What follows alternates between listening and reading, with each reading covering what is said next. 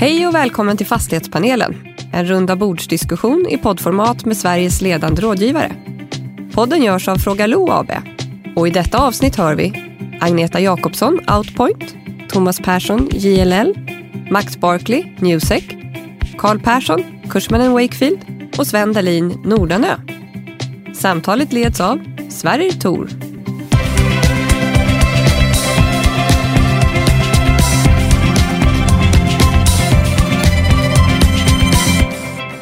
Hej och välkomna tillbaka till Fastighetspanelen och hej till panelen. Agneta, Thomas, Sven, Max, Kalle. Välkomna tillbaka. Tackar. Tack. Tack, hej allihopa. Mår alla bra? Absolut. Ja. Ingen som är sänkt av fastighetsmarknaden? Nej. Tvärtom. Upplyft av vädret. Härligt. Har ni märkt att säsongens buzzword i fastighetsbranschen är att vara framåtlutad? Det tycker jag väldigt många pratar om, att vara framåtlutade. Det gäller inte det samhället i allmänhet. Jag vet inte, jag vet bara att, eh, och det här kan vi på Island, när det slutar blåsa, om man är framåtlutad, då, faller man framlänges. Plattfall. Ja. Så vi får se hur det blir här i, när du slutar blåsa i fastighetsbranschen. Men hörni, det finns mycket att prata om. Det är mycket som, eller det är inte så mycket som händer så Thomas innan vi pratar. Nej, precis. Innan vi satt och i, Nej, tittar, man utveckla. på, tittar man på transaktioner så görs det inte så där jättemycket. Jag tror vi är ner med två tredjedelar av transaktionsvolymen. 67 procent någonstans är vi ner hittills i år jämfört med de senaste fem åren i snitt. Så det sker faktiskt mycket transaktioner. Sen händer det massa runt omkring i fastighetsmarknaden och på aktiemarknaden händer också en hel del. Mm. Men på fastighetstransaktionsmarknaden står det halvstilla just nu. Varför? Alltså har man ännu inte kommit ur, är det fortfarande värde- värderarna som är liksom, hindret? till viss del är det så att köpare och säljare inte möts. Eh, Det har inte bara med värdering att göra utan köpare som vill köpa idag de har ofta ganska höga avkastningskrav och vill verkligen göra bra affärer så de bjuder ganska risigt. Och säljarna känner sig inte så pressade att de inte säljer till de köparna. Eh, Och det är väldigt många som inte blir av den anledningen. Mm. Mm. Sen är det också svårt att få finansiering för en del fortsatt. Någon avvikande åsikt? Nej, men det Thomas säger är ju, är ju helt rätt såklart. Men, men samtidigt så tycker jag det är viktigt att, att liksom ta det som Thomas säger att, att det är att det inte är helt stopp. Tittar man på de tidigare liksom, riktigt knepiga situationerna som vi har haft så har det varit liksom, totalt stiltje och det är det faktiskt inte nu. Vi går ju trots allt mot en transaktionsvolym i år på dryga 100 miljarder. Det är inte så himla dåligt ur ett eh, liksom, eh, historiskt perspektiv. Ja. det är klart att med det- 2009 då var det bara 43 liksom. Absolut. Så, så det är bättre. Men det är klart att det är en väldigt stor skillnad mot rekordåret 2021. Mm. Men jag tycker ur vårt perspektiv så, så tycker vi att det, nej, men att det rör på sig faktiskt på marknaden. Jag tyckte det var mycket värre under hösten. Eh, då kändes det mycket mer stillastående. Nu känns det som sista kvartalet så, så händer en hel del. En del affärer som har gått i mål, en del affärer som kanske skjuts lite och, och många nya idéer och eh, förfrågningar om nya, om nya transaktioner. Så jag tycker att det, det rör på sig det är mer aktivitet just Mer nu. aktivitet. Mm. Mm. Jo, men det, och det, beror det har ju skett en korrigering i ganska många, om man tittar på logistiksidan. Det var ju snabbast med att göra korrigeringen Ja. med upp 100-150 punkter. Och då har transaktionerna kommit igång och det kommer ännu mer. Den största oron är väl egentligen, okej, när stabiliseras nivåerna? Eh, och då vi börjar se en tydlig stabilisering där, då kommer det komma igång ännu mer. Mm. Jag tror där, där märker man en stor skillnad, tycker jag åtminstone på säljsidan, apropå det här gapet mellan köpare och säljare. Det är ju inte längre så att, att alla säljare ska sälja till 2021 års priser eller vad det nu är. Utan, utan eh, jag tycker att, att man har kommit närmare varandra. Eh, Sen tror jag det kan finnas till exempel på köpsidan. eh, Där kan det ju vara utländska investerare som har läst i tidningen i Financial Times att det är någon slags kris i Sverige och, så tror man att de ska köpa fastigheter till 50 rabatt. Eh, Och, och så är det ju inte riktigt. Mm. Men det är ju mer undantag. Mm. Agneta? Nej, men det vi har nu är ju en eh, finansieringskris och det gäller ju då som Thomas säger både för köparna och säljarna. Men det är ju fortfarande väldigt bra kassaflöden. Så det är ju, eh, jag tycker absolut att man börjar mötas. Och om man får finansiering så eh, kommer det att ske transaktioner. Sen kommer det att ske större transaktioner i, i klumpar som är ute nu av de här bolagen som vi vet. Eh, Men eh, ja, nej, jag tycker det, vi är närmre botten helt enkelt och då börjar det röra på sig. Så Mm. det är positivt besked. Om man inte fastnar där. Nej, men det tror, det tror jag faktiskt inte att vi gör. Jag tror att vi kan trilla över det här. Mm. Nu är det jag som är lite positiv. Härligt, Man får se härligt. vad man är framåt hösten. Men, men det känns lite bättre tycker jag. Man är närmre man borde vara närmre nu eh, maxränta så att säga. Och det känns som det börjar ändå lösas upp massa knutar. Mm. Det blir säkert ett par jobbiga år men, men eh, ja, jag är lite mer positiv än när vi var här sist. Mm, härligt. Sven, du nämnde att eh, en, en del säljare har ändå börjat liksom så här. Eh, är det pressade säljare eller är det liksom, är det liksom de som kanske inte nödvändigtvis måste sälja? Ja, både och. Nej, men jag, tror, jag tror att vi, vi ser lite av varje. Det finns de som, som, kan, eh, som måste, är väldigt starkt ord, men men som kanske vill stärka sin balansräkning. Eh, visst finns det sådana, men det finns också sådana som tycker att nej, men, som vill sälja av helt andra skäl. För att vikta om eller för att eh, eh, kanske allokera till andra tillgångslag. Eller, för, eller det kan ju också vara fonder till exempel som vill närma sig slutet av sin, av sin livstid och som har, har köpt fastigheterna ett antal år tillbaka och, och kan sälja med goda vinster. Så det, det, det är lite av varje. Men, och, där är liksom, var är det då har skett de största korrigeringarna? Det är ju de facto faktiskt på utvecklarsidan. De har varit väldigt lyhörda. De utvecklar fastigheter. Okej, var är marknaden nu? Och sen har det skett transaktioner på det. Då. Eh, Så jag skulle vilja säga att där är en kategori som är starka Mm. på säljsidan har förstått vad köparna är. Och sen finns det då även naturligtvis de som är kanske lite mer behov av att stärka balansräkningen och så då. Som också varit ganska snabba. Det man inte har varit lika behovskrävande, det är ju i kontorslägen i innerstan. De har inte haft samma behov. Och då ligger gilderna kvar där. Mm. Mm. Och det är ju intressant. Nu, nu kommer det ju, nu är det ju, ja om en vecka eller två så kommer för, kommer ju rapportfloden igång. Eh, alla vill ju rapportera innan sommaren eller innan semestern. Så vi kommer få se väldigt mycket rapporter de första två veckorna i juli.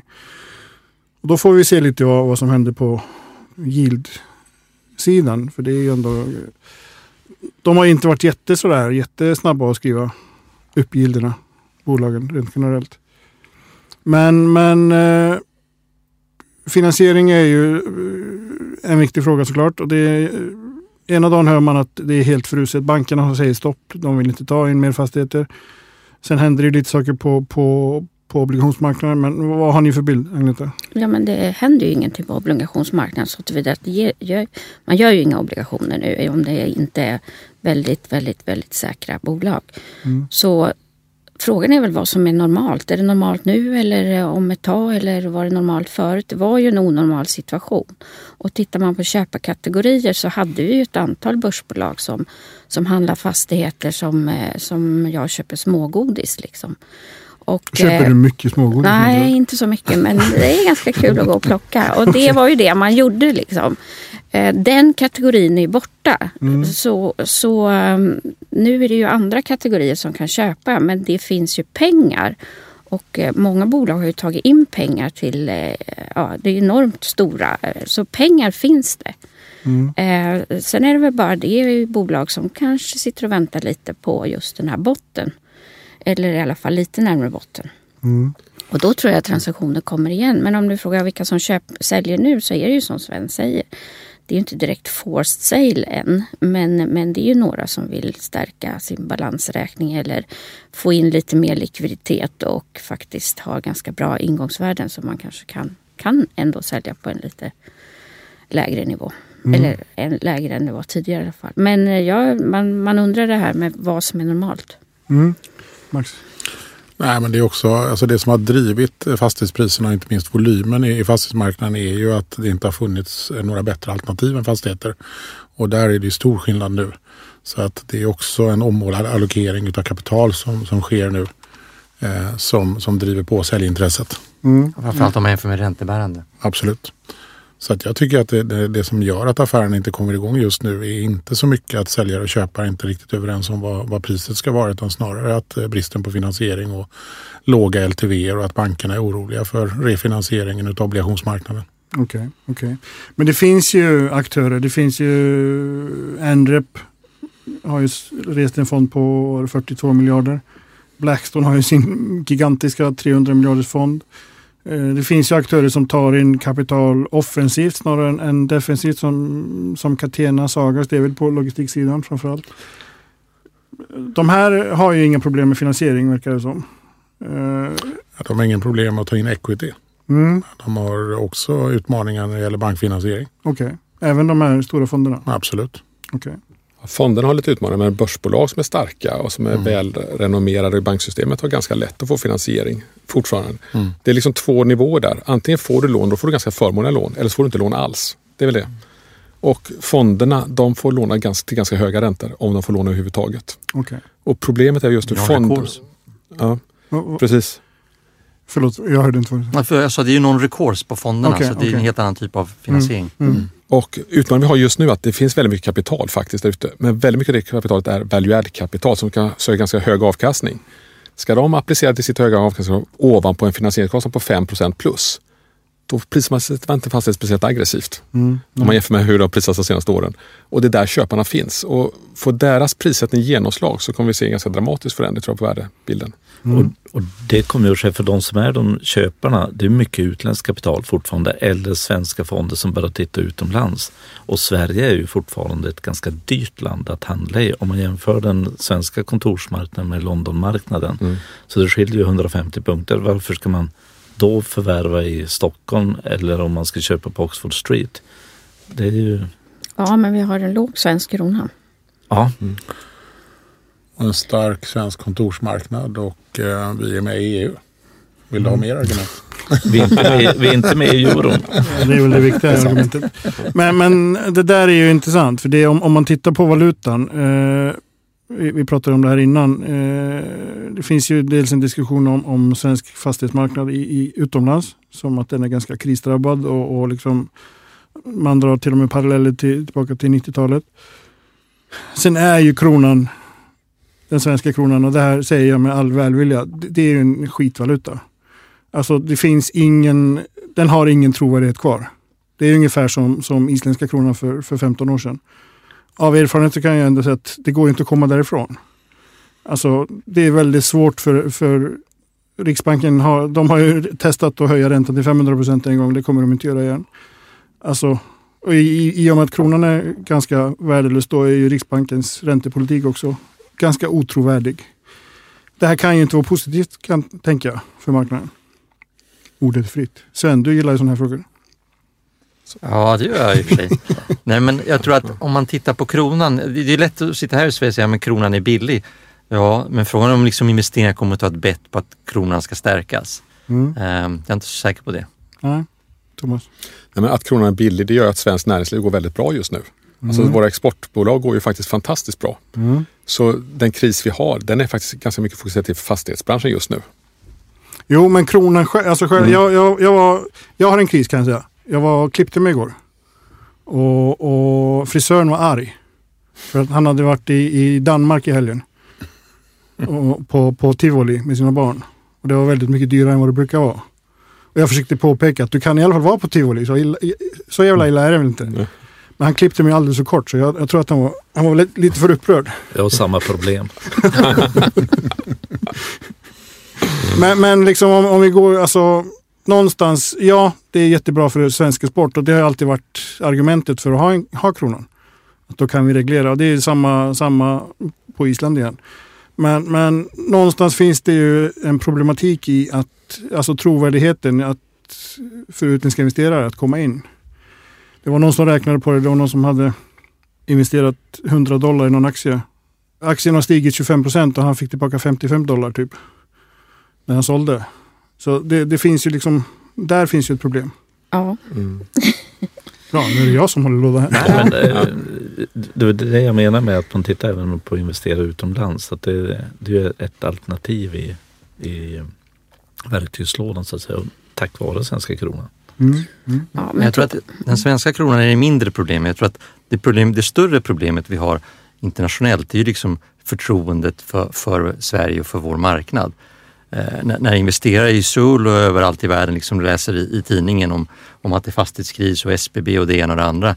Eh, då kommer ju inte tjänstemännen där och köpa liksom obligationer eh, i den svenska marknaden. Det finns liksom ingen uppsida i det.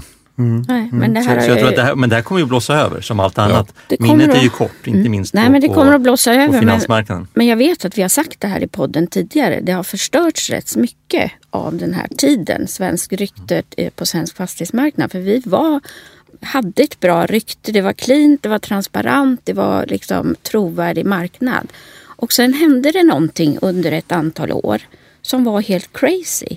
Och det påtalas utomlands ifrån hela tiden att kommersiella fastigheter i Sverige, att det finns ett problematik där i och med att de är kort belånade och väldigt högt belånade och det sitter på ett antal få ägare. Och nu är vi här. Det är inte bra. Det är inte bra för Sverige liksom. och det kommer att ta ett tag att reparera det här. Och jag tror nu, nu kommer det utländska investorer in med mycket pengar. Eh, och då skriker ju kommunerna som 17. Ja, nu har deras fastigheter, nu kommer de att hamna i något annat land. Ja, men det är ju helt sjukt. Vad trodde de? Varför sålde de? Alltså det menar, det har ju varit instabilt. Alla har ju jagat pengar. Men jag håller helt med Thomas. Alltså, eh, industrin går bra och Sverige har ju låg, titta på Finland, de har en eh, statsskuld som är katastrof. Jag kan tänka mig att finska investerare kommer hit för att vi har svensk krona, de har euro, de litar ändå på Sverige. Vi har en låg statsskuld. Eh, Så att det finns ju väldigt många bra saker, det måste jag tycker jag.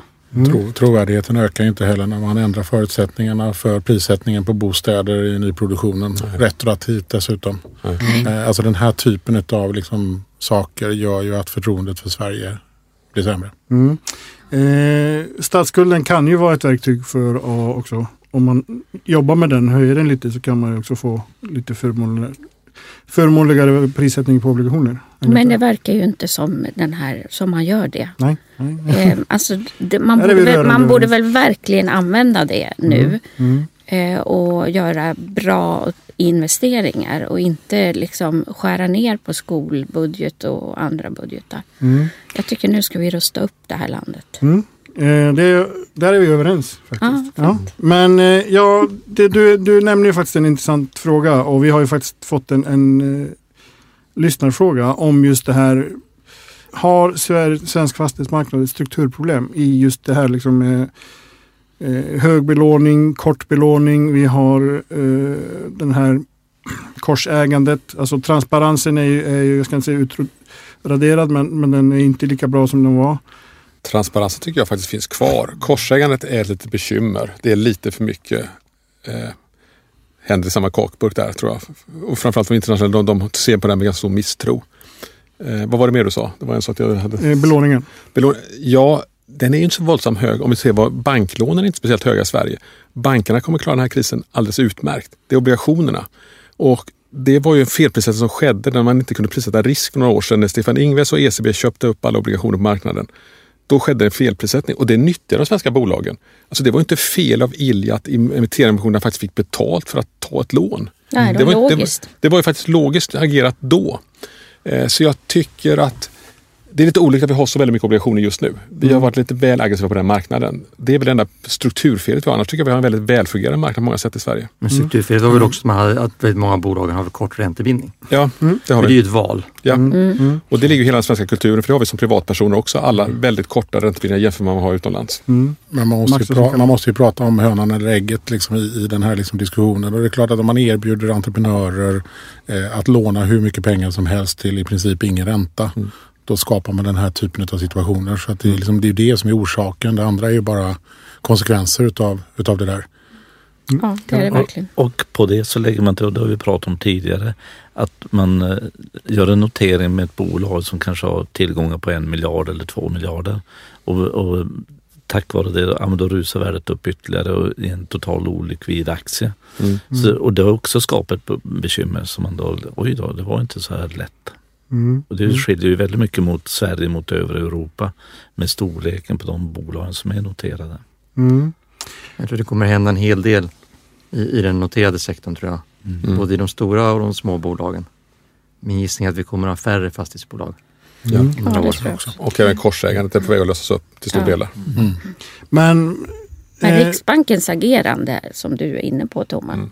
det tycker jag är, alltså det måste tas upp någonstans i Och så Men det var ju inte bara Riksbanken, det var ju ECB allihopa. Ja, det var Ja, det. Men man vet. följde ju med och man köpte obligationer själv i Ja. SBB och så.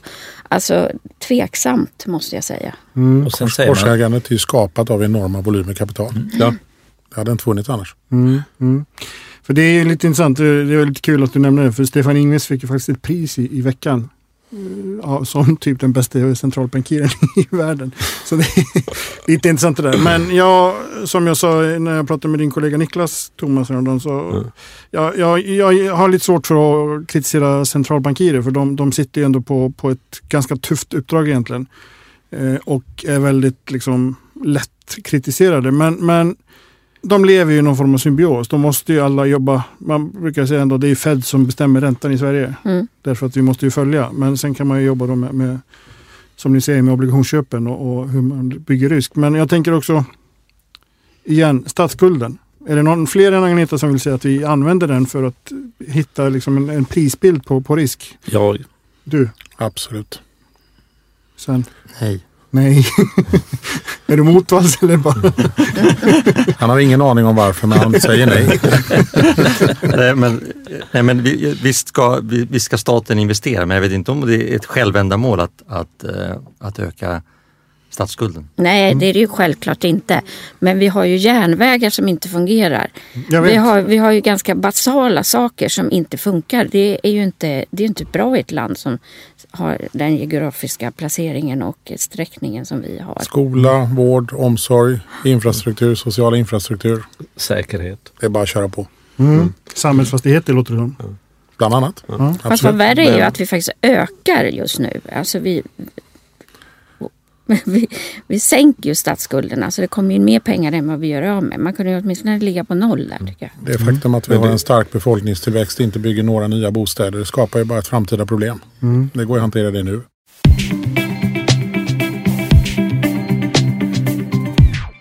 Men eh, alltså om vi pratar samhällsfastigheter igen och också bilden av Sverige. Den här diskussionen om, du nämner ju kommunerna Agneta. Men den här eh, diskussionen om att staten skulle gå in och, och tvångsinlösa eh, en del av SBBs bestånd och, och jag vet inte om det är några andra bolag. Den kan ju inte heller vara jättepositiv för utländska investerare. Liksom att, Nej, Nej. ingen sån styrning. Nej, det är ju inte bra.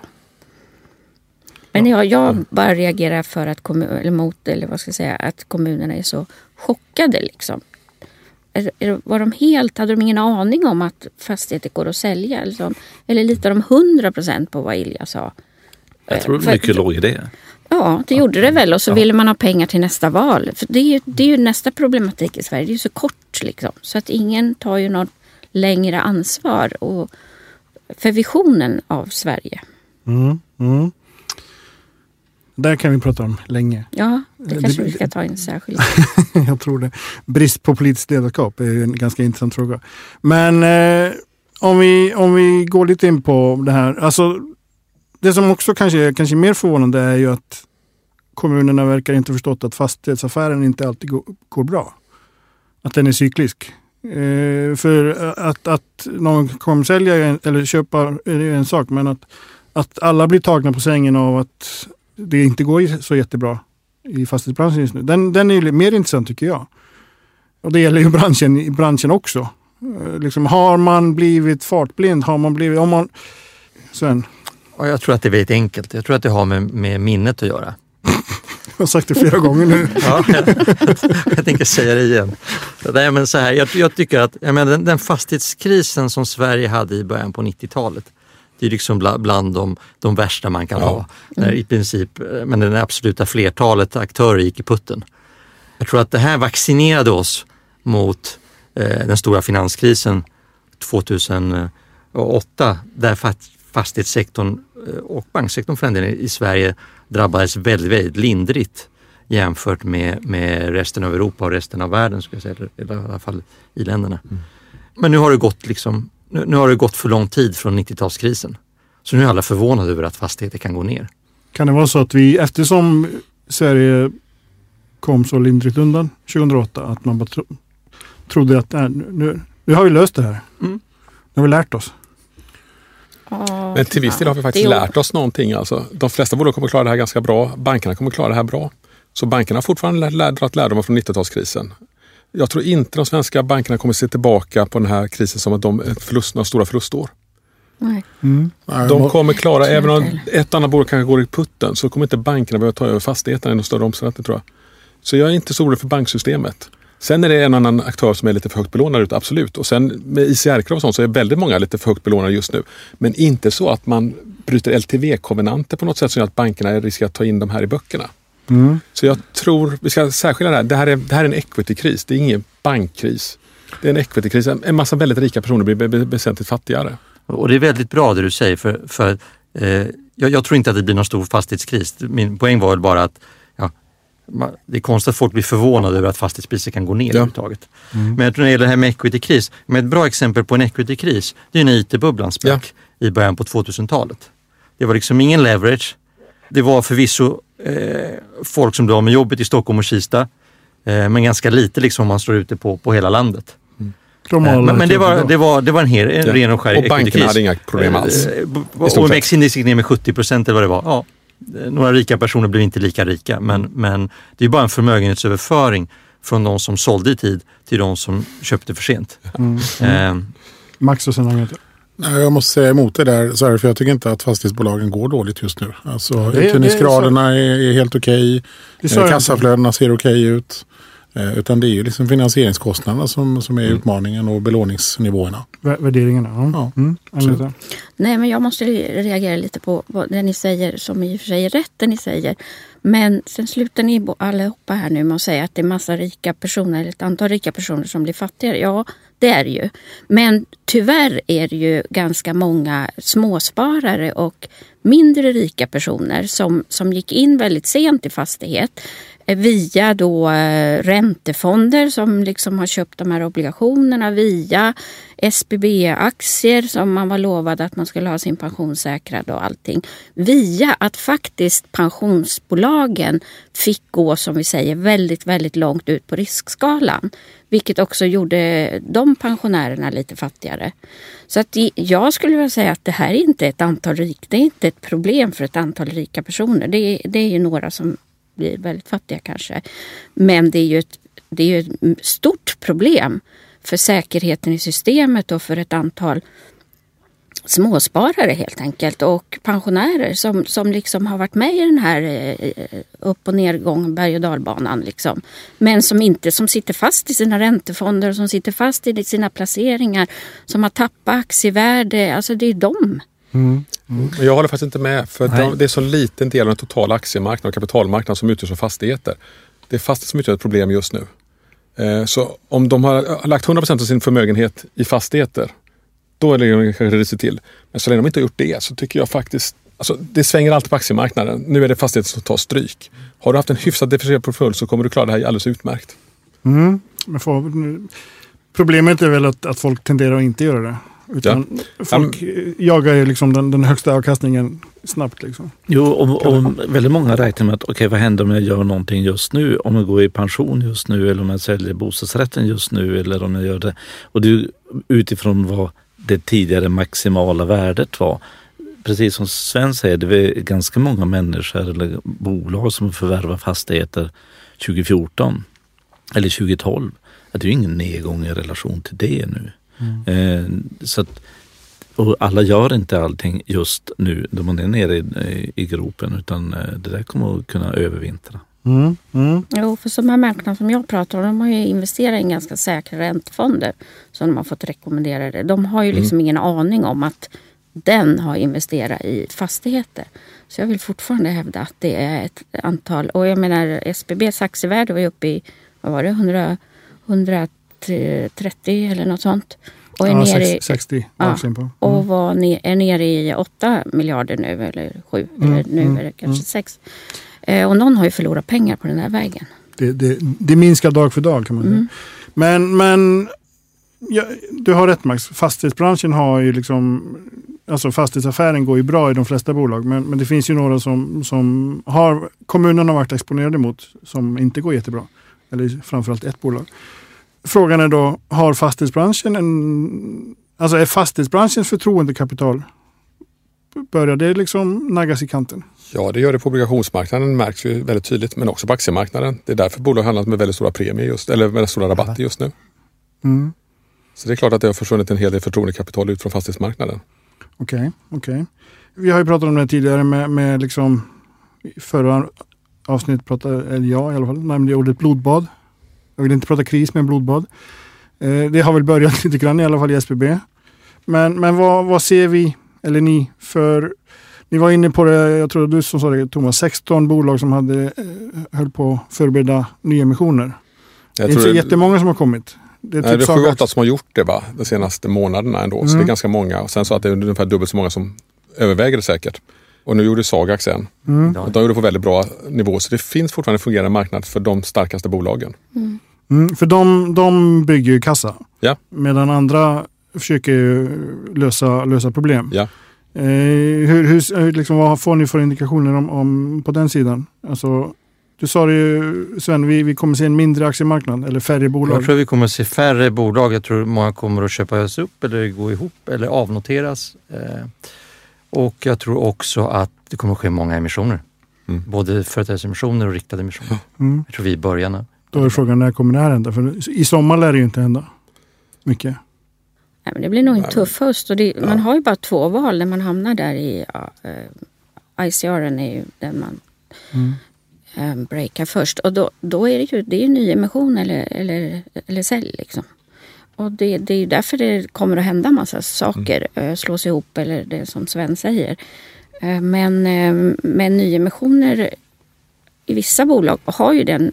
De, de, det är starka ägare i många mindre bolag eller medelstora bolag som ju måste sälja av makt då. Det kommer ju leda till förändringar tror jag i branschen. Mm, men det, jag tror att det kommer att finnas både defensiva och offensiva Mm. emissioner. Men SAGs emissioner är ganska offensiv. förut. Mm. Mm. Eh, och andra kommer att behöva göra emissioner av andra skäl. Kalle och sen? Jag tror den här sommaren kommer att komma helt perfekt. För det marknaden egentligen behöver är ett lugn. Och så kommer de komma tillbaka efter sommaren det kommer att ske en himla olika massa saker. Men så att vi får en stabilisering i dels vad vi gör och hur man tar saker framåt. För att nu är det ganska mycket press på att de gör det, de gör det. Okej, vad kommer hända? Kommer det ett blodbad eller vad, vad blir det? Utan ett sommaruppehåll kommer att göra marknaden väldigt, väldigt gott. Det var vad vi sa förra sommaren också. Att det skulle vara så skönt att gå på semester och komma tillbaka efteråt. Men, men då var inte jag här. Max. Nej, men jag, jag håller med. Jag tror också att det kommer ske rätt mycket, rätt stora portföljaffärer under. Och, och jag tror att de här sakerna har, tenderar att gå fortare eh, än man tror. Så att jag tror Ja. att det kommer bli en otroligt aktiv höst fram mot, eh, mot årsskiftet. Mm. Där man kommer försöka liksom, lösa många av de här situationerna. Det kommer vara en, en del så att säga, defensiva och en del aggressiva liksom, åtgärder som man kommer att gå in med. Och så kommer vi att plana ut lite 2024 Okej. efter en väldigt aktiv höst och vinter. Kan det bli ett rekordår? Nej, det tror jag inte. Men det kommer bli bra volymer. Bra volymer. Men eh, en, en klok person pratade jag med förra veckan som sa, det är alltså i vissa bolag, framförallt då kanske SBB, men, men då kommer det inte hända så mycket för att folk kommer hell- vill hellre köpa banken än att köpa SBBs guld. Eh, vad tror ni om den? Nej men eh, SBB kan väl vara lite olika. Antingen så, så drivs man ju av de här obligationsägare till någon form av konkurs. Liksom. Eh, och det är säkert folk som sitter och räknar på den. Eller också kan man ju köpa den i eh, SBB i delar. Och det är ute på marknaden nu. Liksom. Och säkert massor som räknar på det. Eller också kan man köpa SBB över börsen. Då får man med sig en jätteskuld. Och sen dela upp det sen. Det är väl liksom, ja jag vet inte, jag tycker det är de tre grejerna som kan hända. Ehm, faktiskt. Och det, Men- och men det, det är- sen, och det, senare, kommer ju, inte- och det senare kommer ju inte ske av det skäl som Sverige säger. Det är billigare att köpa från banken. Ja. Mm. Men, men sen är det väl intressant vad som händer i... Alltså vi säger ju att bolagen går bra. Men om man håller sig till fastigheter så, så, så blir det ju så att det blir någon räntehöjning till eller två. Liksom. Och folk blir ju, stramar ju åt sin privatekonomi. Det är ju privatpersoner som har drabbats först. Och jag hörde en som satt i en, en skola i eh, styrelsen nu. Och, alltså, nu serverar man frukost på skolorna också. Så att det, det kommer ju bli en väldig skillnad mellan folk och folk. Och det kommer ju vara en, en kategori människor som inte har råd med något. Det märker inte vi som är i innerstan och så.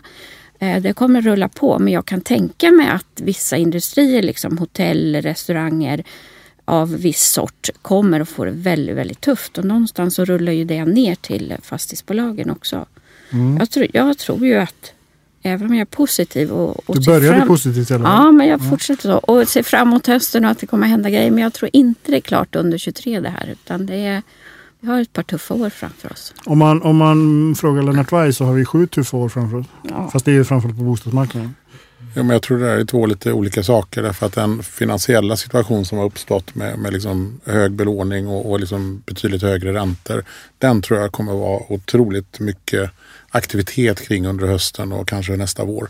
Det som Agneta är inne på nu är liksom det underliggande kassaflödet och där tror jag absolut att det kommer bli sämre innan det blir bättre.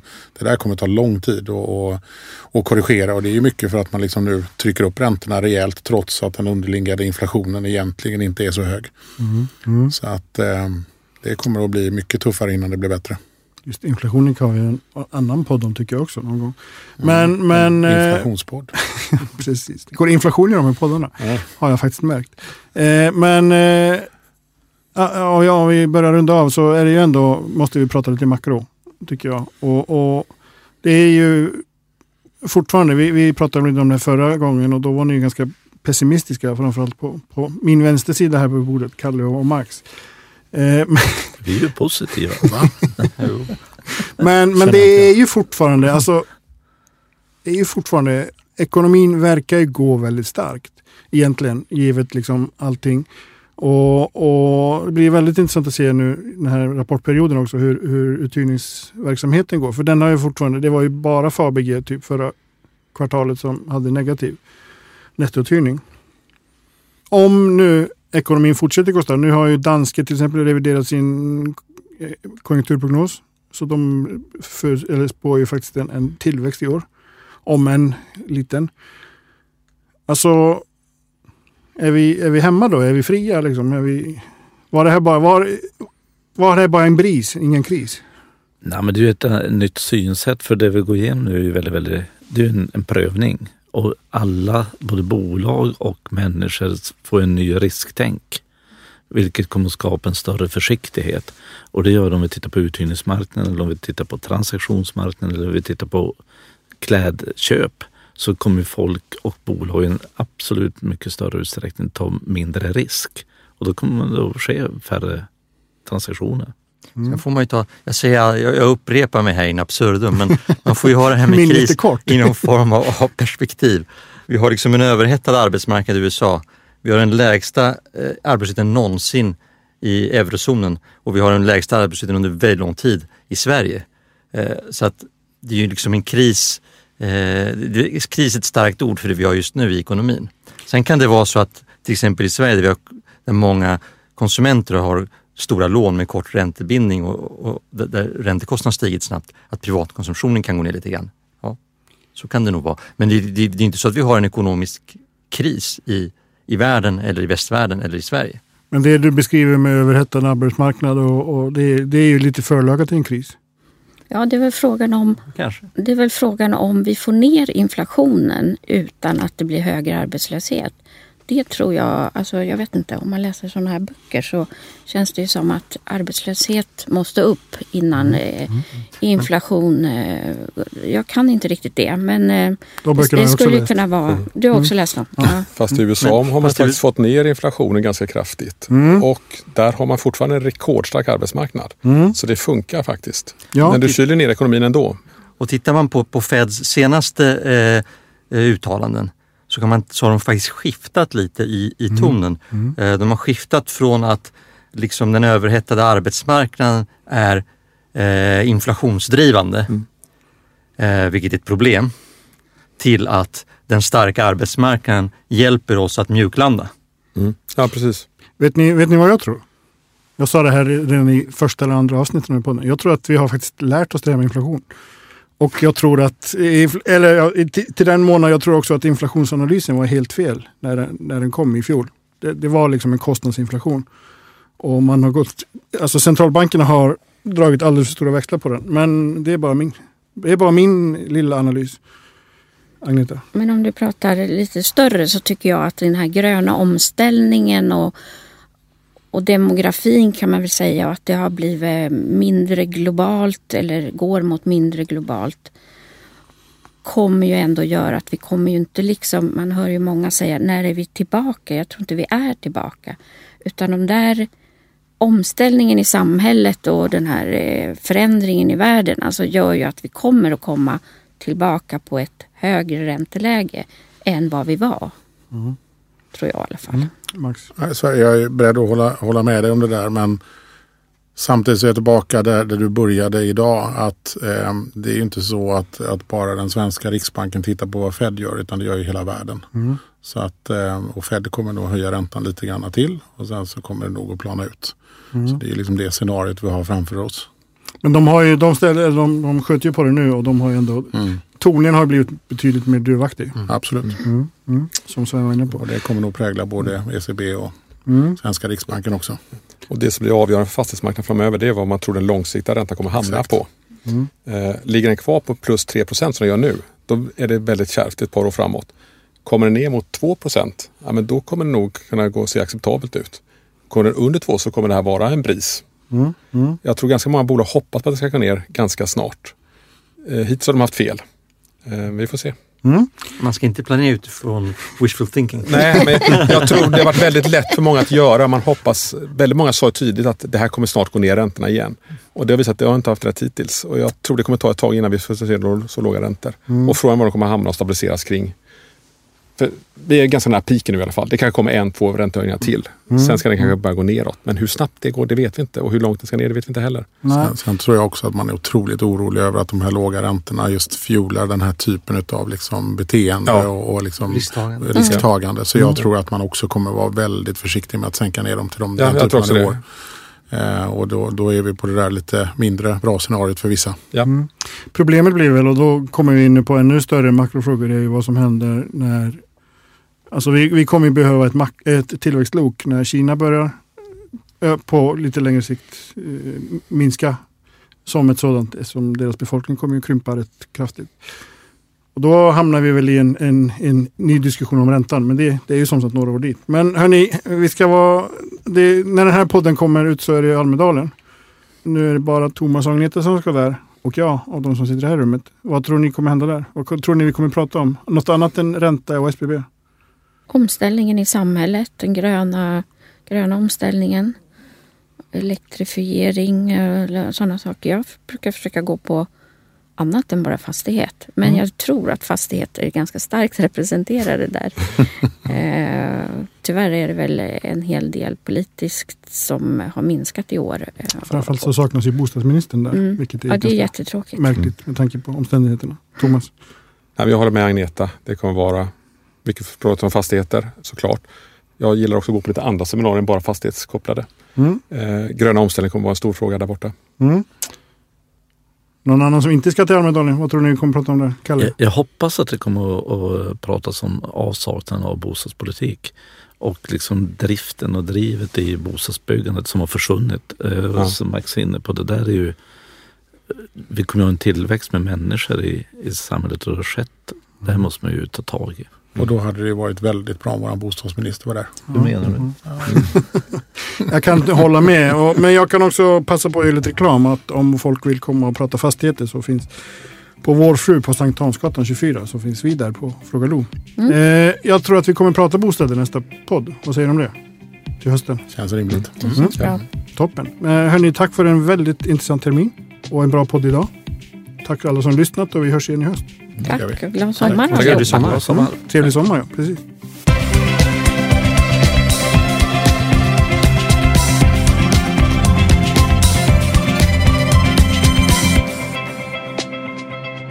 Det här programmet görs på Beppo. Beppo.